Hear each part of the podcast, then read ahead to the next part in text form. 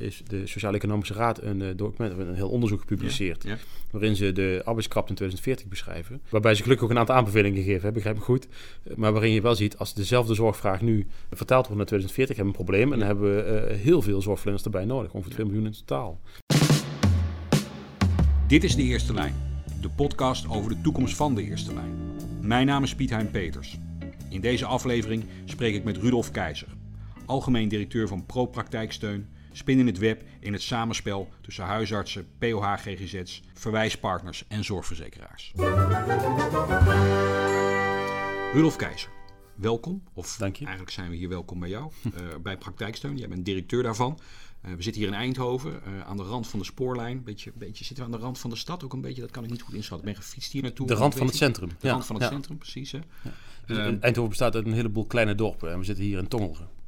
Aan. Kijk aan. Dat even voor de geografische uh, indicatie voor de luisteraars waar, waar, we dit gesprek met elkaar voeren. Kind van huisartsen las ik uh, online. Twee zelfs, ja, Twee, klopt. Ja. Precies, ja. hè? Dus, uh, dus het kon niet anders dat je in die wereld terecht zou komen? Of heb je ergens nog Ik heb mij in mijn puberteit danig afgezet en ben niet al te lang daarna toch weer braaf teruggeland in het niet al te ver van die, van die boom vandaan als appel. Dus uiteindelijk gingen je ouders gewoon tevreden, knikkend. Het is toch weer goed gekomen met dat, dat hoop ik. Ze zeggen af en toe dat ze trots zijn. Dus dan, ja. okay. ja. Hey, um, in deze podcast over de toekomst van de eerste lijn wil ik twee dingen met jou bespreken. Eén is um, uh, de ontwikkeling van de praktijkondersteuning. En eigenlijk een beetje de stelling die ik je wil voorleggen zometeen is de vraag of we een beetje klaar zijn met de ontwikkeling daarvan. Twintig jaar geleden begonnen. Uh, en nu lijkt het alsof het eigenlijk een, bewezen kwalitatief sterk onderdeel is van de, van, de, van de eerste lijnzorg en met name van de huisartsenpraktijk. Maar wat is nog het perspectief daarvan? Dat is één. Een tweede thema, een beetje het verlengde daarvan natuurlijk, want praktijksteun is een belangrijke regionale speler in de ondersteuning als, uh, van huisartsen die POH, GGZ's, praktijkondersteuners willen inhuren. Um, um, hoe zie jij die regionalisering zich verder voortzetten? In een interview in de eerste lijn, december 2019 verschenen, online zeg je van ja, die regionalisering, dat is een belangrijke stap die we nu moeten gaan zetten in de eerste lijn. Wat bedoel je daarmee? Dat soort vragen. Die twee thema's. Laten we beginnen bij die praktijkondersteuners. Als ik zo tegen jou zeg, eind 20e eeuw de eerste loten aan de boom. Nu is het echt een stevige boom geworden in de eerste lijnzorg. Uh, praktijkondersteuners GGZ op het gebied van somatiek, her en der ook wat op sociaal domein. Uh, zijn we klaar? Nooit. Um, de vraag is of dat de praktijkondersteuner in de huidige vorm, of die zijn, nou ja, zijn beste tijd gehad heeft, dat zou ik een te boute uitspraak of vinden. zijn beste tijd heeft. Um, misschien is dat wel um, aan de orde. Wat je hebt gezien is dat het ontstaan van praktijkondersteuning heeft te maken gehad voor een deel met het verleggen van het werk en de werkdruk van de huisarts zelf. En voor een deel vanuit de transitie uh, en niet alle zorg hoeft meer in een ziekenhuis plaats te vinden. En zeker ook de chronische zorg. Ja, de verplaatsing naar de eerste lijn toe, van de ja. tweede naar de eerste lijn. Ja, de substitutie uh, ja. uh, in het kort. Daarin heb je de praktijkondersteuner um, volwassen zien worden. En is de groei van de praktijkondersteuner op enig moment um, in het begin vooral gegaan over welke soorten zorg kunnen wij in een ondersteunende rol -hmm. kwijt. Um, en daarna zijn ze gaan groeien in vooral kwaliteit. En je ziet dat er een doktersassistenten die het werk zijn gaan doen, uh, verder zijn opgeleid. Dat de uh, instap nu over het algemeen HBO, HBO plus is. -hmm. uh, daar hebben ze echt een kwaliteitsslag in gemaakt. Je bent ook andere zorgstraten gaan zien die niet alleen maar chronisch zijn. En dan raak je eigenlijk het onderwerp wat je net ook benoemt.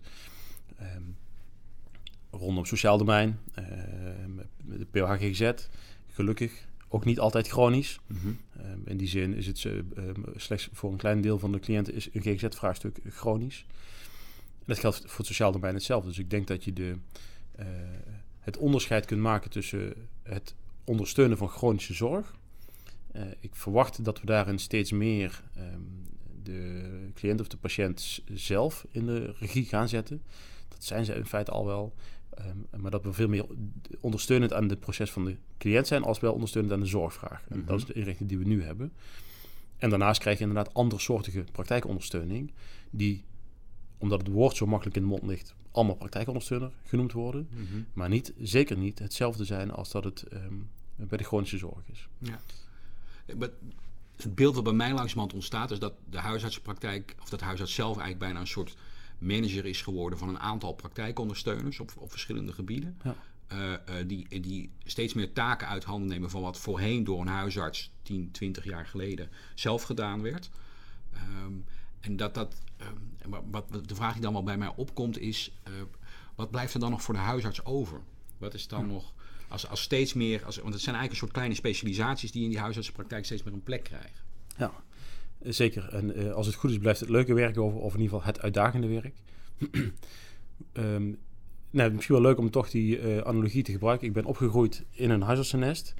Um, toen waren de dokter, uh, zowel dokter als assistent, als zeker in de vrije vestiging destijds. En op een moment kwam er een assistent erbij die in de middagpauze ook onze oppas was. En toen mijn ouders met pensioen gingen, hadden ze, ik geloof, 25 man in dienst. Zijn ze dan manager? Ja, zeker. daar is ook wat onderwijs in gegeven. maar in de kern zijn ze zorgverlener, huisarts. En dat is ook de reden waarom ze dit beroep ingerold zijn en überhaupt met de studie begonnen zijn. De, de, de, jongere huisarts die nu in diezelfde rol als het ware zit, die niet beter weten dan dat er veel personeel rondloopt, mm -hmm. van poetsvrouw tot verpleegkundige specialist, mm -hmm. die hebben voor een deel um, de uh, indeling van de zorgvraag anders georganiseerd. En zijn daarmee coachend aan de praktijkondersteuners. Ja. In heel veel gevallen ook de werkgever. Uh, dat ligt niet iedereen even na aan het hart. Um, en hebben vooral er ook voor kunnen kiezen als generalist, huisarts als generalist, uh, is er dus voor mij ook ruimte om de wat complexere casuïstiek uh, op te pakken. Maar misschien ook wel me te specialiseren in bijvoorbeeld snijden. Ja, dus, en dus in je praktijk zo in te richten wat aansluit bij jouw voorkeur en jouw kwaliteit. Ja, je krijgt de patiënten die je verdient, zeggen ze altijd. Um, uh, dat betekent een klein beetje dat de patiënten uiteindelijk bij je overblijven na 25, 30 jaar huisarts te zijn. Die um, mee opgevoed zijn door de huisarts. Um, maar dat is wel een klassiek model. En uh, je ziet dat er nu veel meer taakgericht ge gekeken kan worden. Omdat er veel minder huisartsen um, um, fulltime werken. Mm -hmm. En uh, het woord fulltime heeft ook al een andere lading gekregen uh, dan destijds toen het overdag, s avonds, nachts en in het weekend was. Ja. Dus je hebt veel meer ruimte voor je eigen jus, als het ware, als huisarts erin. Ja. En, ja. Over die ontwikkeling van die praktijkondersteuners. Hè, je zegt eigenlijk twee dingen, tenminste zo begrijp ik het. Eén is, ik zie dat er een soort uh, focusverlegging is van uh, de zorgvraag centraal naar wat wil die patiënt nou eigenlijk zelf. Uh, de, de, regie bij de, bij, de, bij de patiënt. En, en twee, je ziet dat, dat het aantal soorten praktijkondersteuners aan het uitdijen is. Met name zou je kunnen zeggen in de richting van het sociaal domein. Als ik nou die eerste even pak, hè, die, dus die praktijkondersteuner die dan zegt... Uh, um, of die, die, waarbij die regie van die patiënt zelf meer centraal komt staan. En dat dat een ontwikkeling is die jij, waarin jij zegt, ja, dat zie ik nu gebeuren en dat zal zich doorzetten. Kun je dat nog iets concretiseren? Wat gebeurt er dan in die relatie tussen praktijkondersteuner en patiënt? Um, nou ja, ik ben zelf altijd vrij ongeduldig. Uh, dus als je me nu vraagt wat gebeurt er dan, dan denk ik altijd nou, net te weinig. Net te het mag net iets meer zijn. Mm -hmm. Uh, maar je ziet er wel duidelijk een, een kentering in. Hè. We, hebben met het uh, open. In de huisartszorg heet het open, in de GGZ heet het VIP. Uh, maar met dat soort programma's zijn we um, de cliënt in staat aan het stellen om inzicht te hebben in zijn of haar eigen um, uh, data. Ja. Um, met zelfmetingen, met eigen bloeddruk meten. Nou, ja. Tijdens de, de afstandsbeperking die we zagen bij de, in ieder geval bij de meest heftige periode van de coronapandemie. Um, was het ineens veel makkelijker om cliënten zelf uh, een bloeddruk of iets dergelijks te laten meten of een hartslag te laten ja. meten en ze te luisteren aan de telefoon. Goh, vertel eens hoe gaat het en uh, hoe gaat het met de ademhaling. Dus in plaats van de, bij wijze van spreken dat je naar de praktijk, de praktijkondersteuning ondersteunt, ga je jezelf meer ondersteunen. Ja. Kijk, in de basis bij um, de leefstijlondersteuning die een praktijkondersteuner bij de chronische cliënt biedt, of chronische patiënt biedt, daarvan is het van belang dat je iemand ook blijft coachen in een gezonde leefstijl. Ja. Uh, eigenlijk vanuit de positieve gezondheidsgedachte dat is nog relatief uh, nieuw voor velen. Um, die positieve gezondheid, of het zit er pas kortdurend in. Ja, het concept van Machteld Huber. Ja, ja. Uh, beleidsmakers hebben dat, uh, dat woord al te vaak gehoord. Ja. Maar um, voordat het natuurlijk iedereen raakt, zijn we dus een paar, paar jaren verder. Maar vanuit die gedachte zie je dat, er, um, dat je een soort coach gaat krijgen die je helpt om zelf je leven goed op de rit te krijgen. Dat was vroeger uiteraard ook, alleen de medische component daarin wordt wat kleiner, omdat we wat meer zelf kunnen. Dus die, en, en die praktijkondersteuning gaat mee in die ontwikkeling en krijgt dus wat meer een soort coachende invulling ja. en wat minder een, ja. een, een, een, sturende invulling van uh, minder medische invulling. Ja. Zijn dit de woorden die jij ook zo gebruikt? Um, uh, uh, ik, ik, zou er wat voorzichtig in zijn, maar zo ben ik ook opgevoed, denk ik. Um, het blijft, kijk, de huisartsenzorg blijft medische zorg. En daarin is wat een praktijkondersteuner namens de huisarts of onder uiteindelijk eindverantwoordelijkheid van de huisarts uitvoert, blijft grotendeels medische zorg. Maar ook het voorkomen van een zorgvraag die groter is dan wat vandaag de dag bestaat. Iemand die met een chronische uh, ziekte te maken heeft, zal altijd een medische zorgvraag hebben. Mm -hmm. Ehm, en in die leefstijlondersteuning is het voorkomen of het uitstellen van verergering daarvan is de maximale winst. Ehm, dat gecombineerd met zinvol leven, zingeving. en daar voldoende gelukkig in kunnen zijn. En die rol als coach, die heb je natuurlijk steeds meer als praktijkondersteuner gekregen. Uh, het is niet alleen maar meer de bloeddruk um, uh, meten en, uh, en, als het misgaat even de huisarts inschakelen om te kijken of er iets met de medicatie moet. Betekent het ook dat, je, dat jij ook ziet vanuit de rol die jullie spelen in, in de ontwikkeling van die praktijkondersteuner, je ziet ja, we, um, we vragen andere competenties van mensen nu dan tien jaar geleden? Zeker, zeker. dat is niet alleen in kwaliteit um, ook wel bewezen, maar het samenwerken met de cliënt, het samenwerken met de patiënt, wordt ook onderstreept door het moeten samen, of beter moeten samenwerken met allerlei uh, partijen er rondomheen. Je noemde de combinatie met sociaal domein. Um, ik denk dat de uh, eerste lijns medische zorg, hè, de huisartsenzorg, niet automatisch verder de, uh, het sociaal domein in um, zou moeten, maar het getrokken wordt. Um, uh, of ze het nou wel of niet willen. Maar je ziet het bij de praktijkondersteuner, zie je daar wel een, een, een, wat meer een rol in een stukje samenwerken. Uh, wat, hoe gaat het met je mantelzorg? Uh, als praktijkondersteuner kun je voor een deel het medische zorg overnemen, maar de, de dagdagelijkse bezigheden gaat ook met je partner samen. En je kunt, je kunt signaleren als praktijkondersteuner bijvoorbeeld dat er sprake is van sociaal isolement. Of, bijvoorbeeld, of, ja. van schuldenproblematiek. Ik ja. wat, wat, wat factoren zijn in die ja. leefstijl en dat, dat soort dingen. Dus daar, en, en daarin, en, het coachen naar wat meer zelfredzaamheid, um, daarin zijn we denk ik door de jaren heen wel wat gegroeid. En dat is niet nieuw voor de praktijkondersteuner, daar zijn ze al echt wel sterker in gegroeid. Dat is wel een andere taak die, die dan die tien jaar geleden zeg maar, van zich werd. Want, nog even, wat, wat, zou er um, in het vacatureprofiel van een praktijkondersteuner nu, of laten we zeggen over drie jaar, anders staan dan van, van tien jaar geleden? Wat, wat, waar zit die verschuiving? Um, ik denk dat het beste voorbeeld te geven is met de diabetesverpleegkundige. Um, uh, je hebt, door de jaren heen heb je de zorgstraten van chronische zorg voor de praktijkondersteuner zien groeien. Nou zijn we pakweg een stuk of vijf in de gemiddelde praktijk. Um, uh, daardoor krijg je steeds meer werk en ga je misschien weer specialiseren. Dan, word je, dan ga je diabetesverpleegkundige uh, inzetten. En wat we zien is bijvoorbeeld de koppeling met de PHGZ, is dat je um, um, bij diabetes heb je een verhoogd risico op bijvoorbeeld depressies. Ja. Um, ga je als diabetesverpleegkundige alleen maar de diabetes verplegen, als het ware, uh, ben je er te beperkt in bezig. Ja, en dat weet je dan zelf ook. Component, ja. Ja. Dus in die factuurtekst wordt er uh, zeker binnen de huisartspraktijk, want waar er vroeger nul personeelsleden waren, nu 25 in dezelfde praktijk, dan moet je ook met elkaar kunnen samenwerken ook niet bang zijn dat de ander je werk afneemt of uh, ja. dat jij er beter in zou moeten zijn. Goed collegiaal overleg. Ja, en dat is um, uh, bij een taakgerichte um, uh, opdracht die er in het verleden ook meer in zat, is dat anders. Ja. En um, dat zit dus niet alleen maar binnen de praktijk, maar ook met de mantelzorg, ook met het informele netwerk en ook met het welzijnsdomein, ja. uiteraard. Ja. Ja. Tweede ontwikkeling die je ziet, hè, de eerste die je schetst, is dus die, die ontwikkeling naar die naar het ondersteunen van uh, de zelfredzaamheid van, van cliënten en patiënten. Waar, waar ook denk ik uh, technologische innovatie een belangrijke rol speelt. Hè. Het zelf kunnen observeren van je eigen data, mm -hmm. dat kunnen meten. -hmm. Een tweede ontwikkeling, die kaart hem net al een paar keer zo in de zijlijn aan, is natuurlijk dat je ziet, tenminste in mijn beleving, dat die praktijkondersteuners in toenemende mate ook een soort halve sociaal domein invulling hebt. Daar hebben we het net ook een beetje om. In Rotterdam is er een praktijk ondersteunen schulden. Ik, ja. sprak, uh, ik sprak van de week voor een interview voor de eerste lijn een uh, Henk Schers huisarts in, uh, in, in, Nijmegen die graag een POH preventie wil hebben. Ja. En daarvoor is, um, er zijn POH ouderen. Waar je, waar je dan he, welzijn op recept. Dat is ja. ook zo'n concept wat daar wat snel terrein wint. Hoe zie je dat? Is dat bedoel, en dan hoor ik jou tegelijkertijd zeggen, laat ik een vraag stellen in plaats van alleen maar iets te vertellen, uh, uh, hoor ik je tegelijkertijd zeggen, uh, ja, maar de huisarts moet wel van de medische zorg blijven. Toen net zei je dat. Ja. Het moet de kern blijven. Dus hoe ja. zie je dat span? Hoe zie je ja. de ontwikkeling? Uh, dat vind ik zelf wel een spannende. Um, uh, ik denk dat uh, de huisartsenzorg als geheel hier ook nog niet over uit is. Um, de beroepsgroep heeft daar in ieder geval nog geen hele harde uitspraak over gedaan. nog wat terughoudend ook daarin, ja. een beetje remmend. Uh, uh, nog niet klaar voor de verandering. Ja. Um, en dat is ook een hele logische, want waar ga je ja tegen zeggen? Wat betekent dat straks? Ja. Um, bij de POH ouderen is dat een voorbeeld. Um, uh, misschien is dat wel een heel concreet voorbeeld.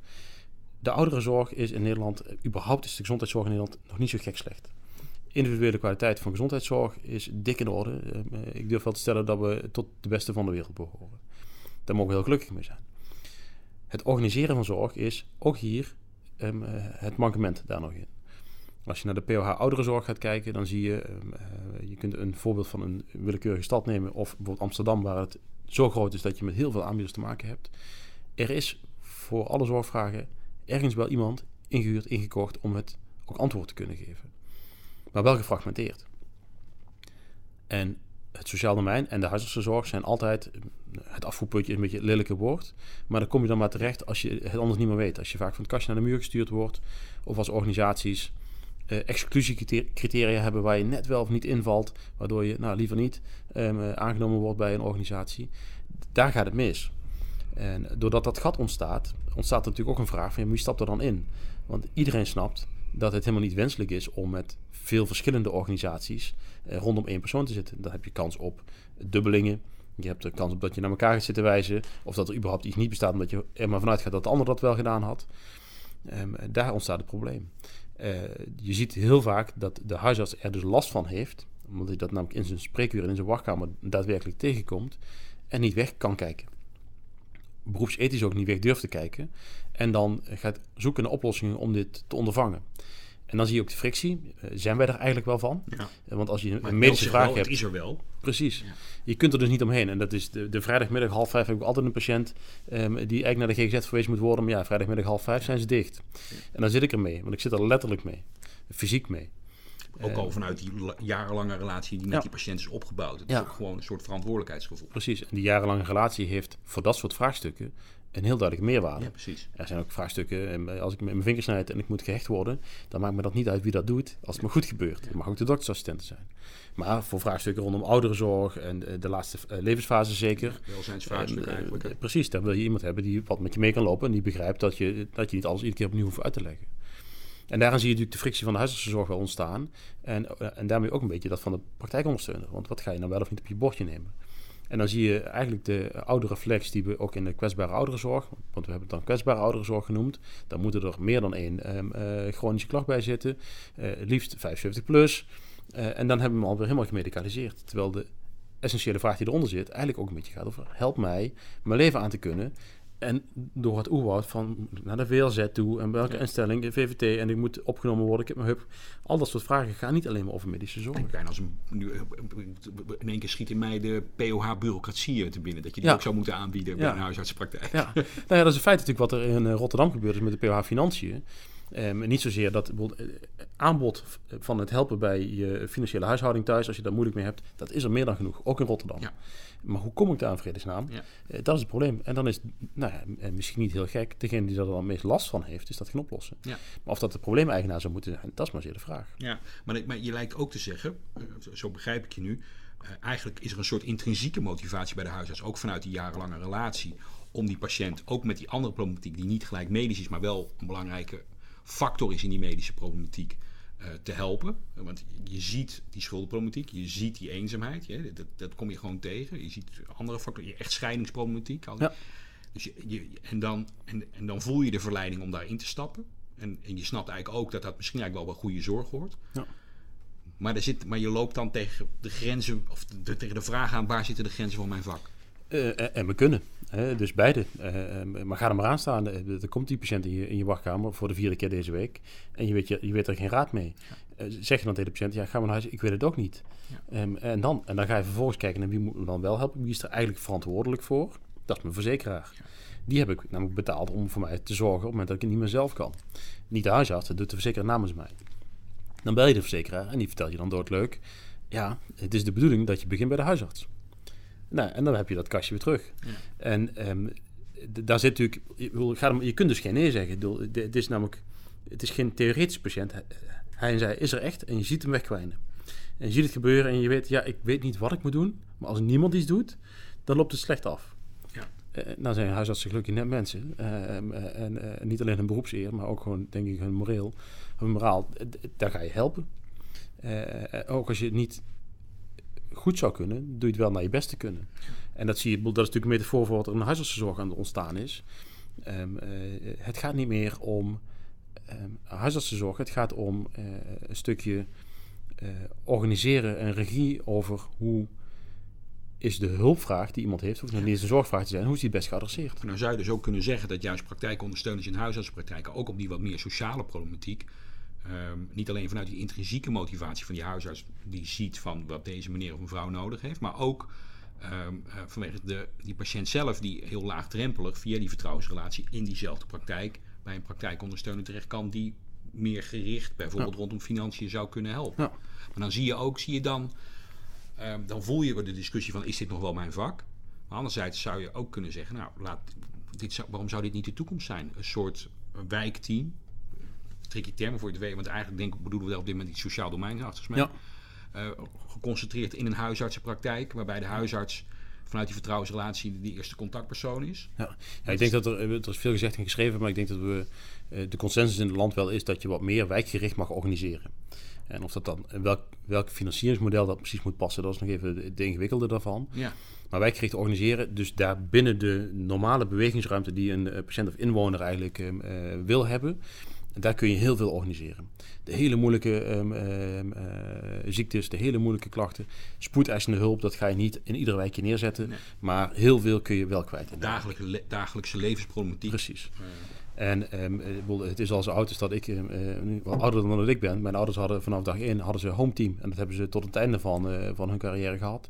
In het home team zat ook politie en wijkmedewerker enzovoort. Ge- georganiseerd rondom de huisartsenpraktijk.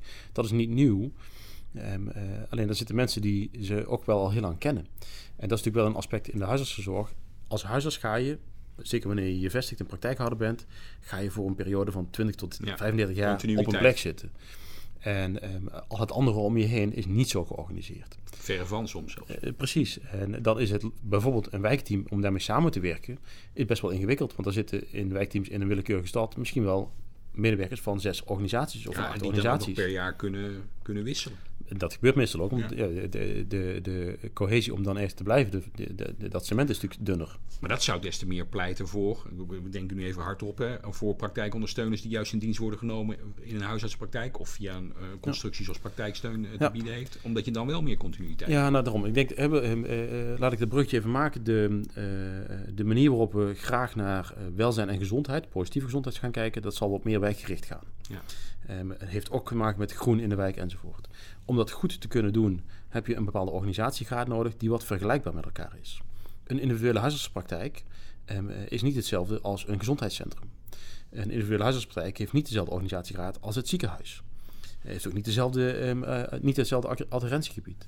Een georganiseerd deel, dus de regionalisering in huisartszorg of in eerste lijnzorg, dat lijkt er al wat meer op. Dan hebben we nog steeds grensproblematiek. Want het ene ziekenhuis valt net weer buiten eh, je grens van je zorggroep van huisartsen dan de andere. Nou, dat is natuurlijk wel bekende problematiek. Maar dan ga je die gelaagdheid als het ware in krijgen. Die zegt, nou, wat ik in de wijk kan, dat ga ik in de wijk oplossen. Vallend binnen een regionaal perspectief. Waarin we met elkaar regionaal ook afspreken, datgene wat ik niet in de wijk kan, is wel goed georganiseerd. En dan zorg ik ervoor dat ik in mijn wijk bepaalde band met elkaar wil opbouwen. Dan heb ik niet acht organisaties in mijn wijkteam nodig, maar één aanspreekpunt die als het even kan, vijf jaar of tien jaar meeloopt met me. Ja, inclusief de mensen die daar dan... Letterlijk de persoon. Ja. Precies, ja. Het gaat uiteindelijk natuurlijk om dat vertrouwen. Ik bedoel, als de cliënt of de patiënt bij ons het vertrouwen van het dienst leven als het ware neerlegt, eh, beantwoordt de huisarts met ik ben er Ik ben er voor, voor jou. mijn beroepsleven in ieder geval ben ik er voor jou. Precies. En met een beetje mazzel ook nog daarna af en toe op de koffie. Maar ehm, eh, dat vertrouwen kunnen we natuurlijk niet beantwoorden dat ik ieder jaar eigenlijk teleurgesteld ben in het feit dat mijn medewerker van het sociaal domein een andere baan heeft, een ander perspectief heeft. Maar we moeten ons ook niet verstoppen voor de wetenschap dat ehm, niet iedereen 25 jaar lang op dezelfde plek wil zitten. Nee. Ehm, eh, het is in het bedrijfsleven zeer ongebruikelijk. Ja, maar na geworden. één jaar wisselen of 25 jaar, daar zit wat tussen. Hè? Zeker, zeker, zeker, zeker. En eh, ik denk dat je een tijdspanne van vijf jaar, dat we dan heel tevreden mogen zijn als we dat overal zouden kunnen halen.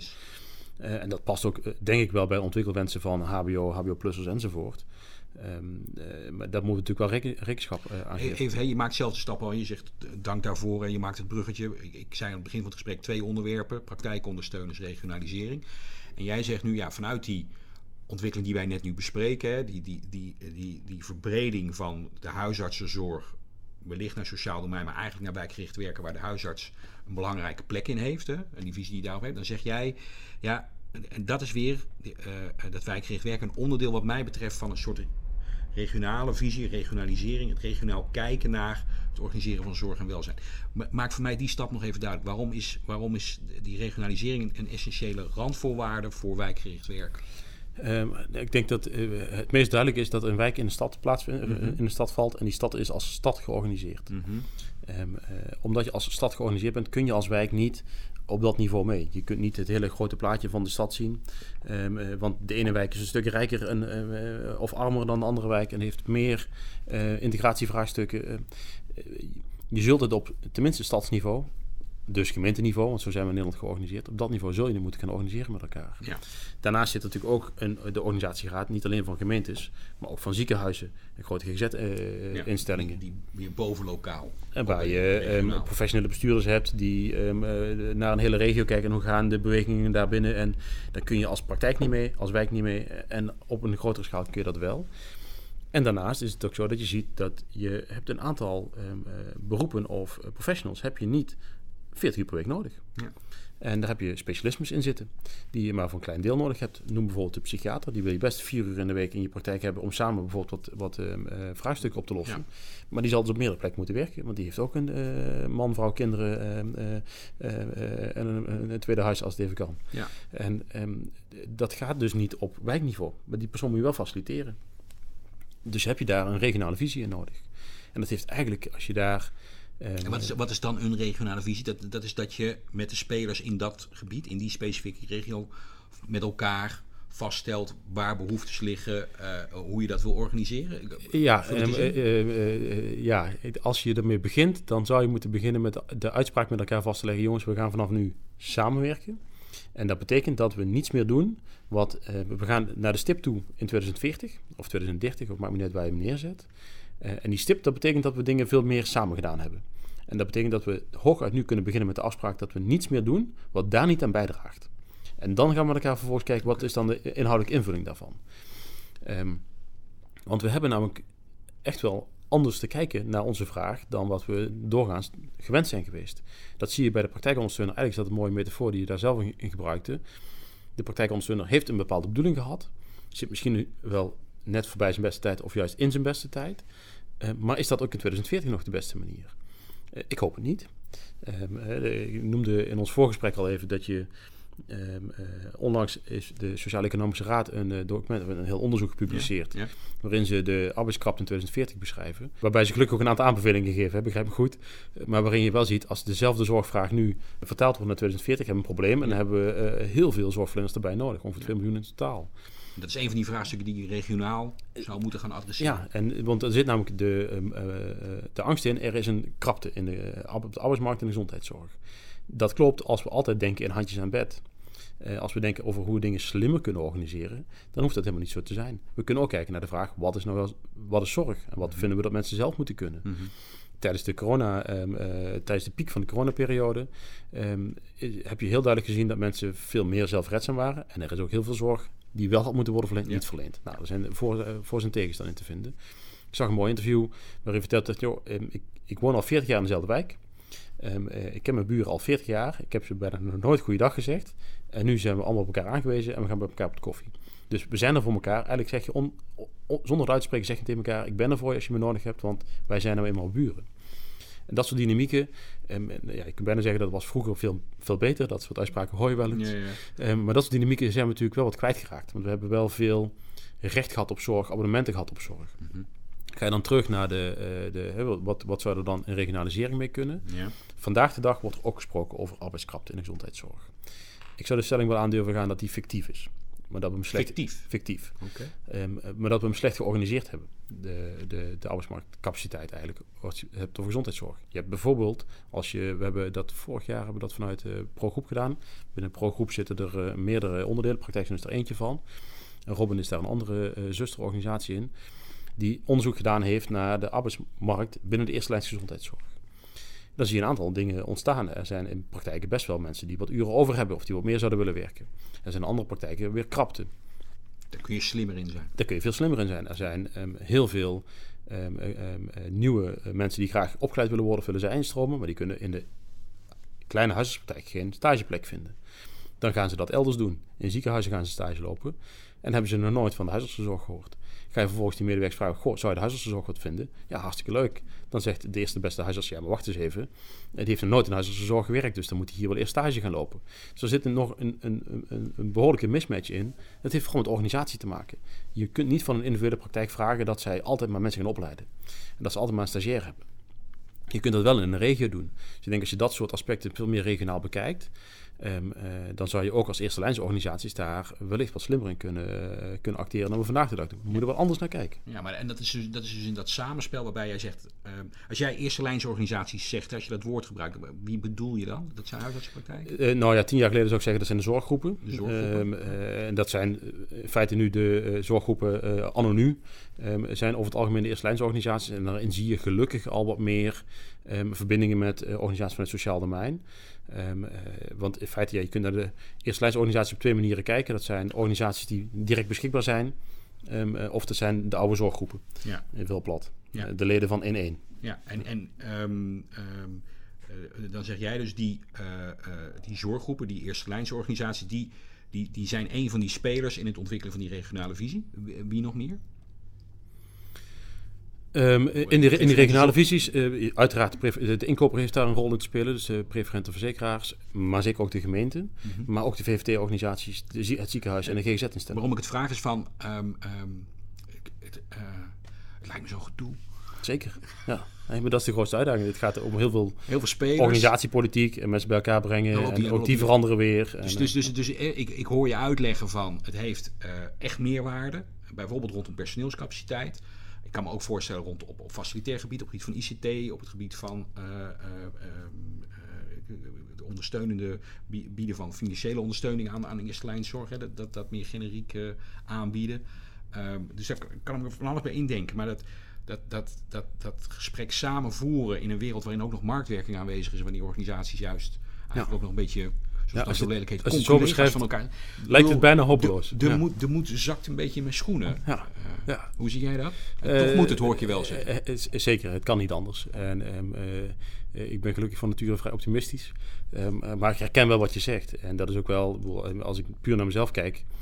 Um, daar waar je energie verliest, zijn het dit soort trajecten waar het dan vooral niet goed loopt... zonder dat er een echt aanwijsbare reden toe is.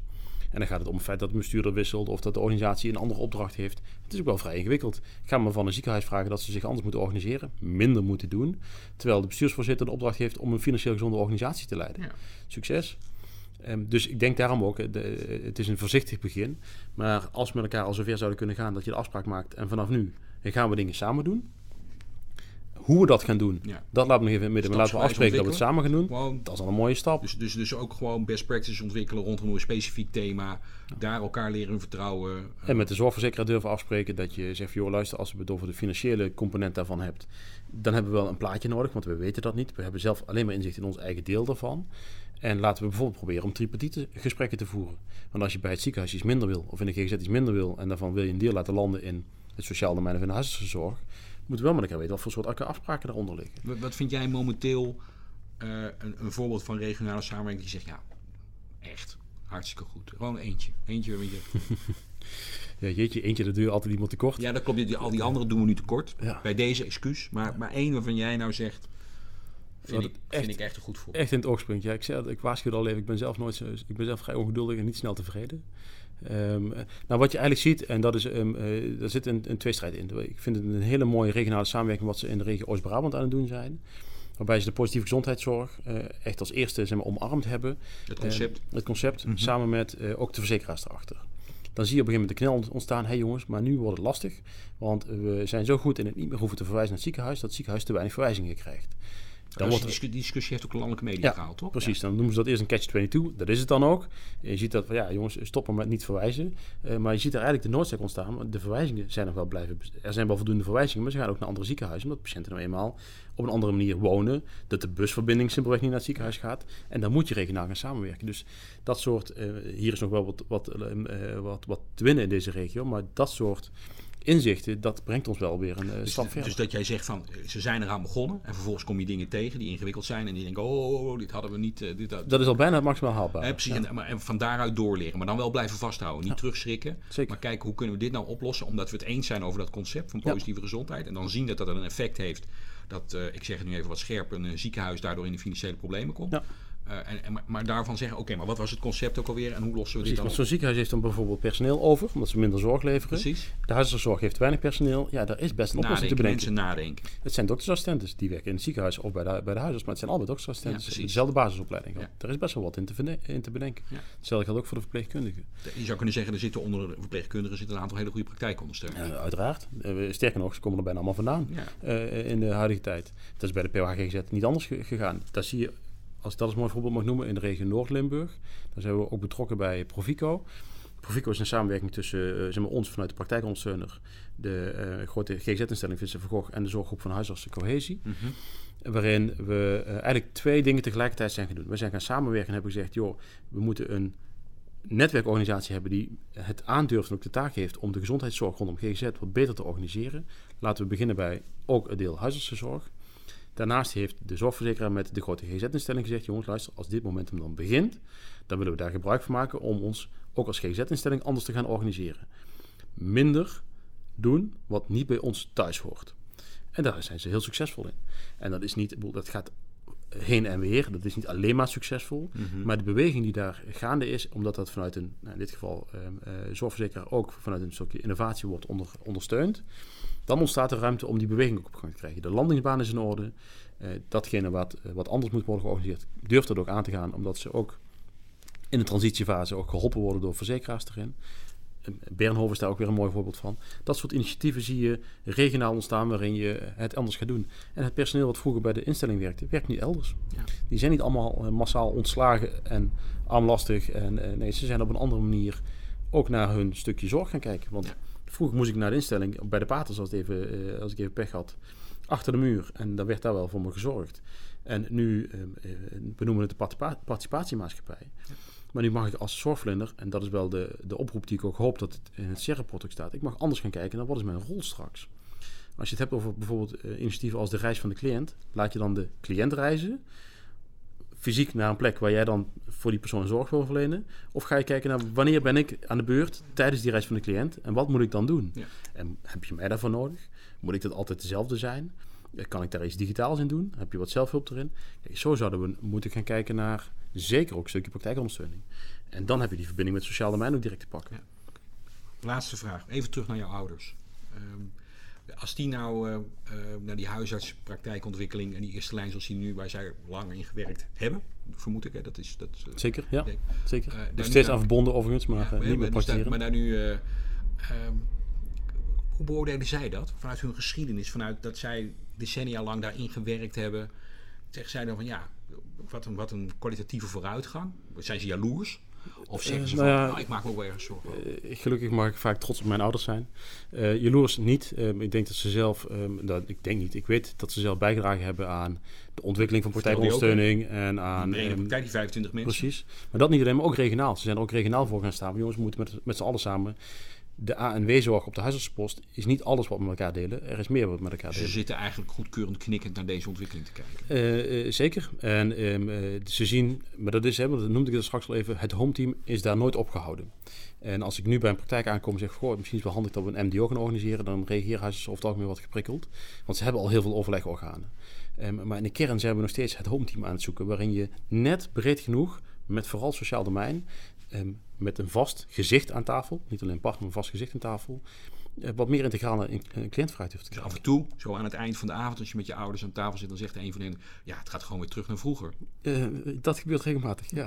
ja. Dankjewel. Graag gedaan.